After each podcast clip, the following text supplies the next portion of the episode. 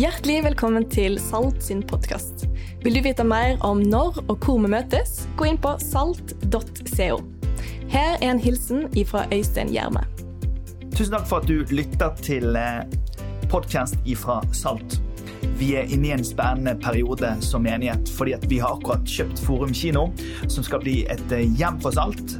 Og så skal det være et kulturhus for hele byen. Vet, vi forkynner fra en plattform. Fram til nå har vi gjort det fra leide bygg. Nå har vi muligheten til å investere i et bygg som skal velsigne mennesker i mange år framover. Vi ber denne høsten medlemmer og venner og partnere og folk som lytter til denne podkasten, om å gi et bidrag for at vi skal kunne komme i havn med egenkapitalen til dette prosjektet. Så hvis du vil, ta og vips noen penger til 12345, eller gå inn på salt.co slash forum og les hvordan du kan være med og bidra. Vi trenger hjelp fra mange for å nå i land med dette, og sammen bygge en plattform hvor vi kan nå enda lenger. Så tusen takk for din gave. Tusen takk, Julian. Fantastisk. Utrolig glad for at du bruker gaven din, og at du synger for oss og synger så meningsfullt og så gode tekster og deler av et levd liv. Fantastisk. Fint å se alle sammen her. Flott å se at dere har stilt klokken, folkens, og kom dere opp i tide til ettermiddagsgudstjenesten. Det var, det var noen som kom her i, i kvart på tolv i dag eh, til kirken. Og de fikk jo ikke med seg alt, for å si det sånn. Vi er inne i denne serien vår som heter 40 dager. og Jeg skal, jeg skal fortsette der vi har, har, sluppet litt før det. Det står i Romerbrevet dere, kapittel 10, vers 17 at troen kommer av forkynnelsen som vi hører, og forkynnelsen kommer av Kristi ord. Det det betyr, det er at du og jeg vi har fått en tro her inne, og det er en gave fra Gud. Og Den gaven som Gud gir oss av tro, den kan styrkes ved at vi tar til oss av Guds ord. Nå er det mange som møter dette med tro som noe som de opplever at de selv er nødt til å skape eller ase.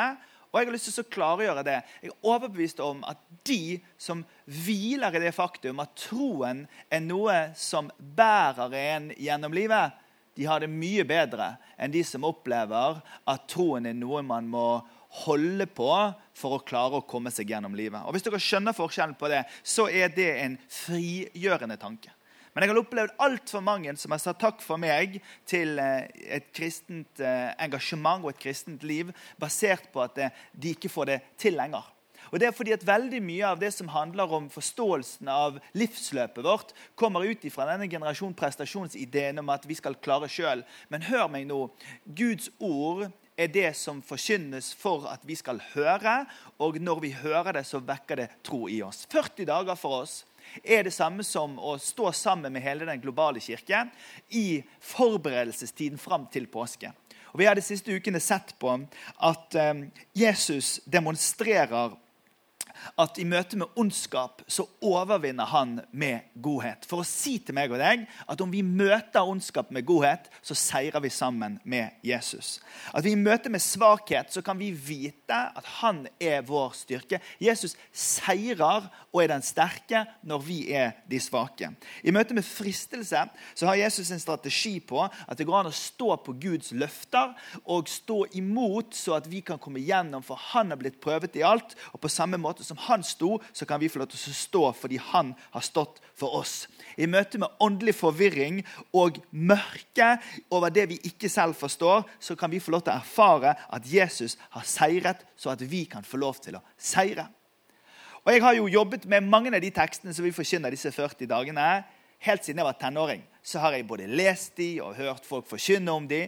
Noen av de har jeg studert sånn i dypet på en mer akademisk måte i, i faget mitt. Men jeg opplever at stadig så kommer det nye ting ut av de samme tekstene. Fordi at det utsiktspunktet som jeg har til den samme fortellingen, endrer seg beroende på hvilken alder jeg er i, og hvilken livssituasjon jeg befinner meg i. Derfor så vil jeg at du skal høre det at troen kommer av forkynnelsen, og forkynnelsen kommer av Kristi ord. Så vi kommer tilbake til det samme år etter år fordi vi vil så gjerne at det skal slå dypere røtter i oss. Og I forberedelsen min så skrev jeg ned disse tre setningene som en type profetisk budskap in real time til deg. Du som er her og hører denne forkynnelsen i dag og står i et uforklarlig mørke i livet ditt. Jesus har seiret for deg. Du som er svak fysisk, psykisk eller åndelig. Jesus har seiret for deg. Du som kjenner deg dradd av prøvelser og fristelser. Jesus har seiret for deg. Gjennom hele kirkehistorien, gjennom hele bibelfortellingen, så er det ett frampek, og det er på Jesus og den som han er. Hebreerne brevet kapittel 13 vers 8 sier at Jesus Kristus er i går og i dag, ja, til evig tid den samme. Du og jeg vi kjenner jo livet vårt i disse tre tidsperiodene. I går og i dag og fremover. Og vi vet jo alt om det som har skjedd. Det er ikke alltid vi forstår det som har skjedd, men vi har jo opplevd at det som har skjedd, har skjedd. Så vi har i hvert fall en tilsynelatende mulighet til å ha en oversikt over at dette ligger bak. 100% kan vi om det. Og så Beroende på situasjonen så opplever vi at nå, akkurat nå så kan vi ha 100% oversikt over det som skjer akkurat, akkurat nå in real time og i sanntid. Men det som kommer, dere, det har vi ikke noen som helst aning om. Vi kan planlegge for det, vi kan anta, og vi kan ha det i kalenderen, men ingen av oss vet hva morgendagen bringer. Men slik er det ikke med vår Gud. Vår Gud han er i går og i dag og til evig tid den samme. Gud har oversikten her ovenifra over hele vårt livsløp. Og Gjennom denne fortellingen som står nedskrevet i denne boken, så gjør Gud et poeng ut av at han vet hva som kommer. For å si til oss at der framme, gjennom profetien i Det gamle testamentet og historien i Det gamle testamentet, så sier han der framme kommer det en. Hans navn er Messias. Han er min Kristus. Han er den som skal komme og seire over ondskapen. Stå imot fristelsen. Kjempe for de svake. Løfte opp de lave. Stå på de fattige side og gi rettferdighet og sannhet til vår verden. Det peker Gud på hele tiden. Det er som om man forsøker å si at du som er her på Riks i dag, du kjenner ikke det som skal skje i framtida men Jesus står der også. Jesus står der inne i det ukjente i din framtid som den som du kan se til og vite at han er din seier. Han er din styrke, han er din trøst, han er din helbredelse, og han er ditt liv.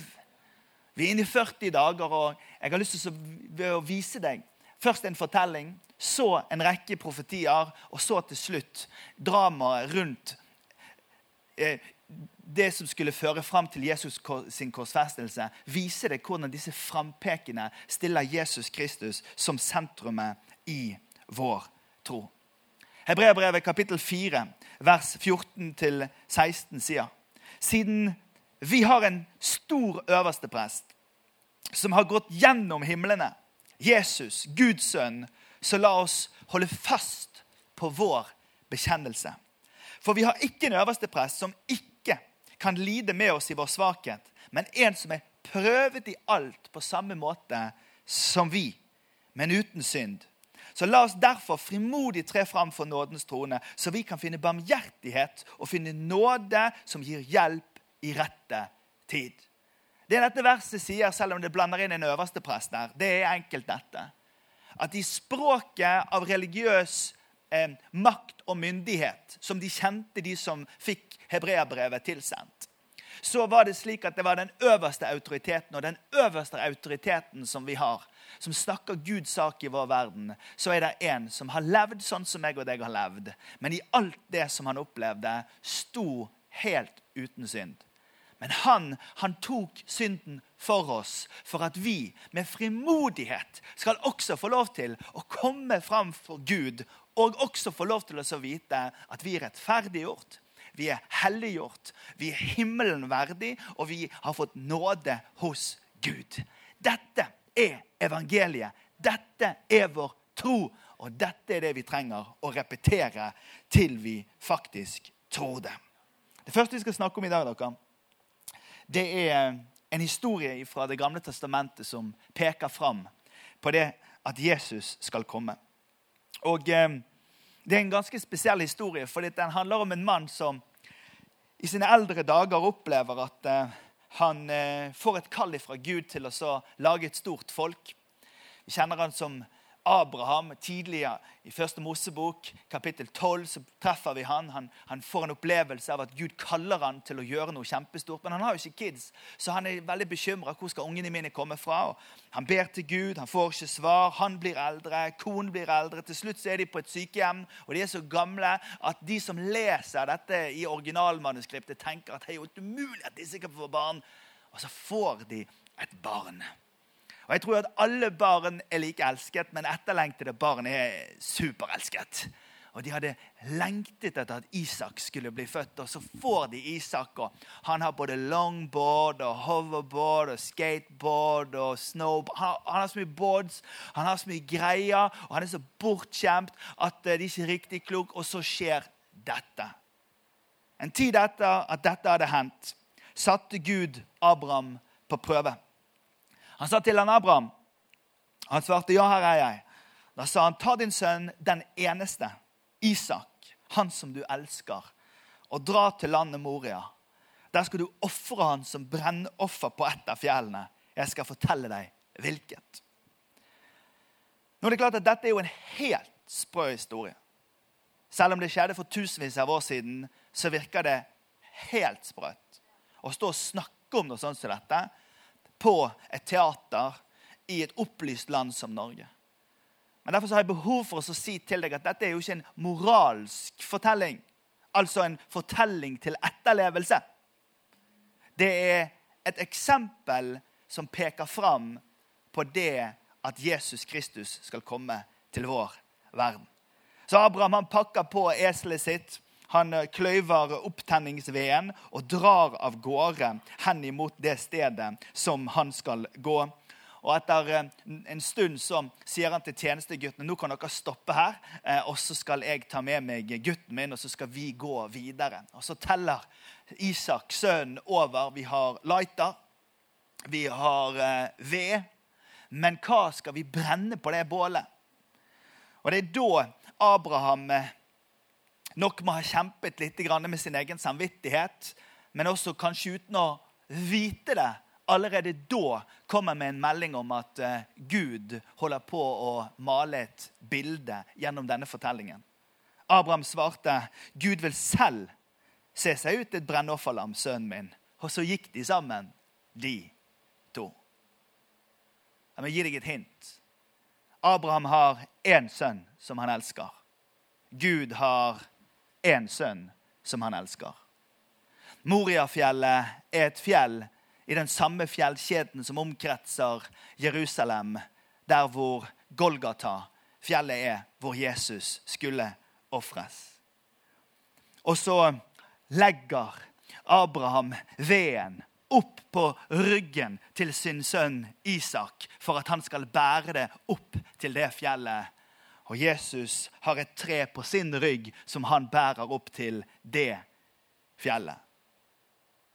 Og når de kom til det stedet som Gud hadde sagt, så bygde Abraham et alter der, og så la han veden til rette. Og så bandt han Isak, sønnen sin, på alteret, oppå veden. Isak er lydig til å gjøre det faren ber ham om å gjøre. Og Jesus er lydig til å bli hengt opp på det treet, sånn som hans far ba han om å gjøre.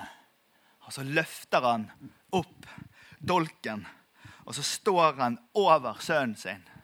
Og så skal han til å gjøre dette som for oss er absolutt helt hinsides, og som er på ingen måte og jeg, understreker, en moralsk fortelling til etterlevelse. Men han skal til å også rope roper engelen fra himmelen, Abraham, Abraham, ikke gjør sønnen din noe vondt. Nå vet jeg at du er villig til å gjøre hva som helst for dette. Og kan du tenke deg hvor han må ha pustet ut? Han, hvor lettet han må ha vært i det øyeblikket hvor dette greiene her skjer. Og når Abraham så opp, så fikk han øye på et på en vær som hang fast i hornene i et kratt der borte like bak han. Og Så gikk Abraham bort og så tok han ut væren, ofret det som brennoffer i stedet for sønnen sin. Så Isak bindes av det stedet han skal ofres, og reises opp til et liv igjen. Men på Golgata så blir en sønn hengende, for han blir hengende på det korset som en stedfortreder for alle oss. Fordi at Gud selv ville se ut en som skulle ofres, så at du og jeg skulle få et evig liv. Min erfaring i mitt personlige liv og eh, som menighetsleder har, har vært det at det virker som om Gud kommer, ofte i den siste liten. Det er når Abraham står der klar til å ende livet på sønnen sin, det er da Gud griper inn. Og jeg har vært oppe på sykehuset her, jeg har vært på eldresenter, jeg har vært hjemme hos folk, og jeg har sittet på kontoret mitt i veiledningssamtaler. Og, og det er ofte sånn som dette. er. Folk som er kommet nesten til enden av seg sjøl i fortvilelse i kamp med sykdom. Kamp med samlivsutfordringer, kamp med ressursproblemer i sine liv. Utfordringer som har nesten blitt katastrofiske. Og så har de holdt fast på det løftet om at når du ber, så får du. Når du banker på, så skal det åpnes opp, og når du leter, når du finner. Men det kan være så utrolig langt over på feil banehalvdel. Så langt inne i risikoland før det løsner. Og det er da, dere, at vi opplever at Gud ja, Jeg vet ikke om han prøver oss, men jeg tror kanskje han gjør det noen ganger. Om vi har tillit til han. Men det er som om vi går sammen med han eller Isak og Abraham oppover. For Kan du tenke hva han har tenkt på vei oppover det Moriafjellet? Hvordan han har tenkt liksom, hva, hva er det jeg holder på med? Hva er det jeg holder på Jeg har med meg sønnen min. Jeg skal opp her oppe. Ofre. Ikke riktig klok. Han har tvilt, og så må det kommet litt sol, og så har han tenkt ja, det går kanskje bra likevel. Og så har han tvilt igjen, og så har det gått bra igjen. Og det er historien om våre liv. For en tro dere er ikke konstant gjennom livet. Den bølger fram og tilbake, beroende på ja, ofte hva vi lytter til. Og Det er derfor denne historien er så viktig for oss, og de frampekene som vi skal snakke om i dag, er så viktig for oss, fordi den viser oss hva som er vår tros kjerne. Og det er at Jesus Kristus har seiret, overvunnet og brakt gjennom en styrke på de punktene hvor vi opplever svakhet. Abraham kalte stedet 'Herren ser'. Og til den dag i dag så blir dette fjellet kalt stedet hvor Herren lar seg se. Nå strides de lærde om hvordan vi skal forstå akkurat de versene der, men jeg syns det er et godt poeng at Herren ser. Herren visste hele tiden i det han utfordret Abraham til å gjøre, at han kom til å redde ham. Men han så ikke det, så han kjempet med seg sjøl. Det er en prest som heter Odd Eidner, som eh, har skrevet en bok. Og Den boken den skrev han etter han eh, mistet eh, to av barna sine. Og Boken heter 'Den doble sorgen'. Presten som mistet sine to barn og troen på Gud. For han sa medisinsk kunne vi forklare hva som skjedde med barna mine, men teologisk var det vanskeligere. Hvordan en allmektig Gud kan tillate at noe sånt kan skje med en familie. Og I denne boken så beskriver Odd Eidner mange sånne tilløp og glimt av lys i denne vanskelige perioden. Og det som var selve tippingpunktet for han, det var en dag når han gikk fra en eh, by som lå i skodde og eh, mørke, opp til Keiservarden, som er en sånn eh, topp der i den byen.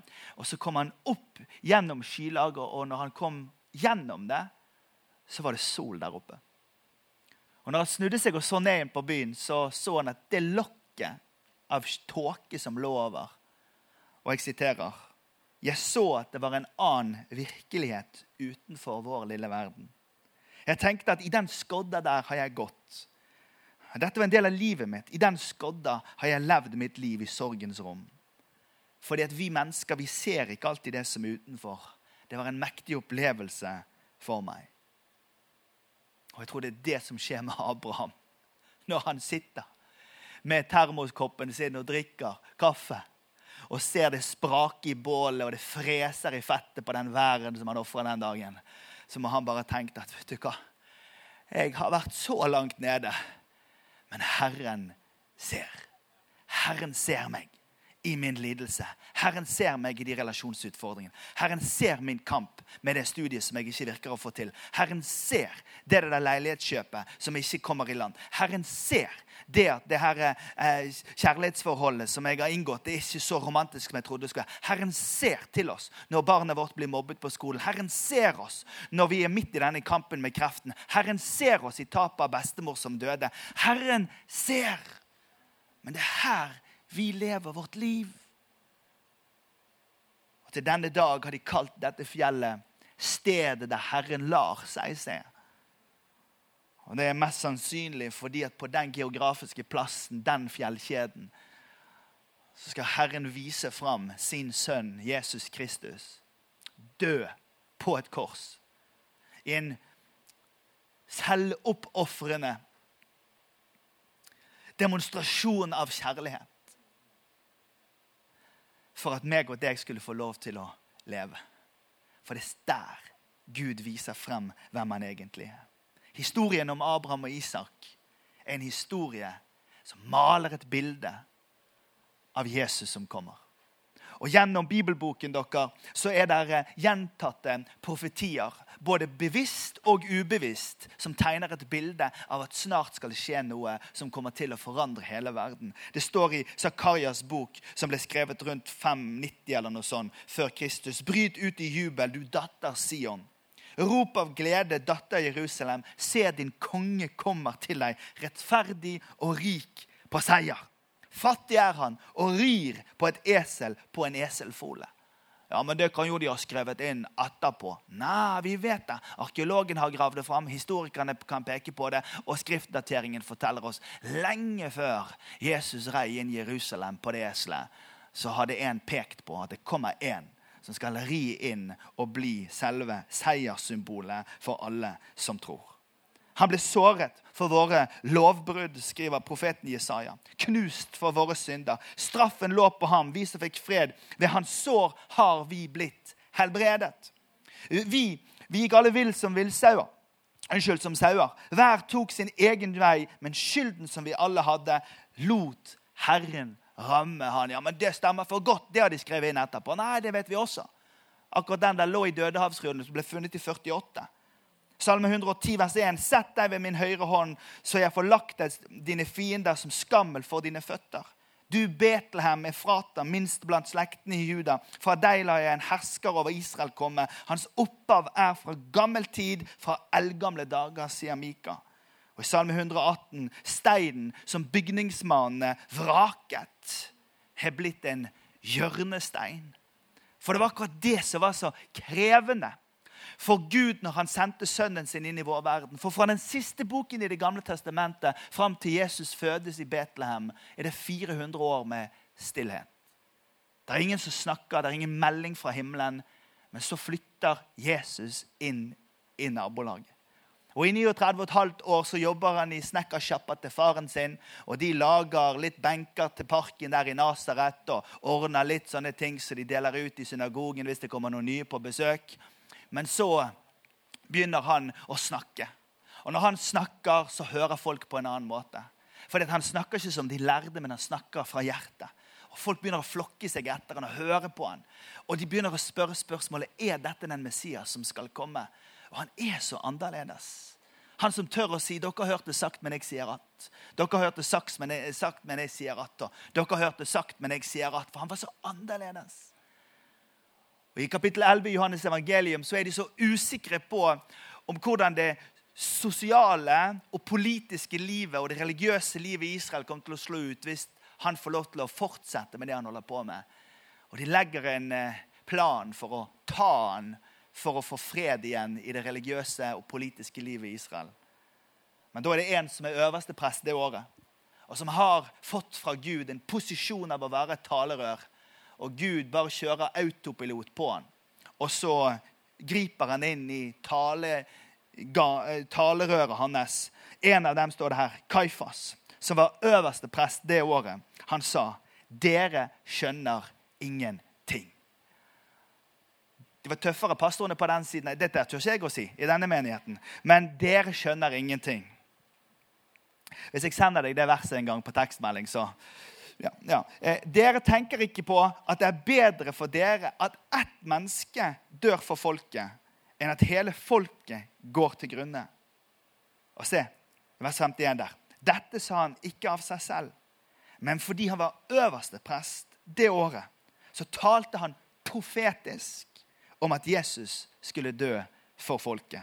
Ja, Han skulle ikke bare dø for folket, han skulle samle til ett alle de Guds barn som er spredt omkring. Øverst i Guds hjerte, fremst i Guds tanke, fremst i Guds tale, så er frampeket på denne personen Jesus. Han taler gjennom øverstepresten. Det er han. Han taler gjennom Abraham og Isak-historien. Det er han. Han taler på hver side av bibelboken, profetisk, ubevisst eller bevisst. Det er han. Og han taler også i hjertene våre. For det av vårt liv som enda er i det usikre og ukjente, så sier han til oss det er han som står der for å være frelseren, redderen, oppløfteren, den nådefulle, trøsteren, helbrederen i ditt og mitt liv når vi kommer dit. Ernest Hemingway skriver i en av sine bøker om en fiktiv historie, men allikevel veldig talende historie. Om en far og en sønn som ble så bitre fiender og så sinte på hverandre at sønnen rømte hjemmefra. Og Faren dro ut for å leite, og han leitet og han leitet, og han brukte opp alle ressursene sine på å finne denne sønnen som var borte. Etter en måneds intens leiting så satt han på en kafé, tom for ressurser, og tenkte 'Hva gjør jeg nå?' Og Så kom han på en briljant idé. Han satte inn en annonse i avisen i Madrid. Teksten lød noe sånt som 'Kjære Paco'. Møt meg utenfor butikken som selger manneklær klokka to på fredag. Du er tilgitt. Jeg elsker deg. Din far. Fredag klokken to sto det 800 Pacoer på utsiden av den butikken. Fordi vi lever i en verden som lengter etter at noen skal si 'Jeg tilgir deg'. 'Jeg elsker deg'. Jeg ønsker deg velkommen hjem igjen. Og Gud, vår Gud, han er en sånn Gud. Og påskens budskap, det er en sånn kjerne. At han, med navnet Jesus, han gjorde alt dette for oss. Og han gjorde det. Så at de som ikke kan lese, skulle forstå det. For de som ikke er oppvokst i en verden hvor vi har vårt refleksjonsnivå og våre, våre rasjonelle tankebaner som vi lærte opp til de som lever i mer enkle og primitive kår, de som ikke har et språk, de skal alle sammen få lov til å oppleve at dette universelle, altruistiske, sanne budskapet om kjærligheten treffer. Og Det er det Paulus snakker om når han sier at evangeliet det er Guds kraft til frelse. Det er som om det treffer, selv om ikke vi intellektuelt alltid forstår det, så treffer fortellingen. Og så forvandler det et liv.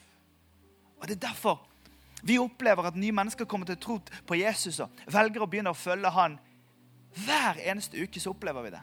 Og sammen med de vennene våre i andre menigheter i Norge som vi prater om hver eneste uke, som har en annen logo et annet navn enn oss, så bare i sum så er det titalls mennesker hver uke i verdens rikeste land. Hvor vi har alle doktorgradene og vi har alle mastergradene og vi har alle de flotte greiene og vi har de lave bilene og de høye husene. og Vi har, vi har alt, men det er også alt det vi har, som Ole Paus sier. Så er det en kraft i fortellingen om at det fins en mann i sentrum av vår historie som Gud med alt han kan, peker på hele tida. Peker. Han som er i går og i dag, ja, til evig tid den samme. Han reiser seg og gir mennesker et nytt og bedre liv. Skal vi reise oss opp, og så ber vi i fellesskap. Herre, vi takker deg fordi at eh, ditt ord er så klinkende klart og så tydelig for oss. På at du er en kjærlig Gud og Herre, selv om noe av språket og noe av terminologien kan virke arkaisk og gammeldags, så er kjernen i budskapet at Herre, du var villig til å gjøre alt for å nå fram til sånne som oss. Herre, jeg ber deg for oss som er samlet i dette rommet, her, at vi skal se det klarere. Og at troen vår, Herre, skal få næring og i takknemlighet for alt det gode som du har gjort for oss. Herre, takk for ditt ord. Takk for din sannhet. Og takk for Jesus. Tusen takk for at du lytta til podkasten. Vi håper at dette budskapet vil være til velsignelse for deg i uka di.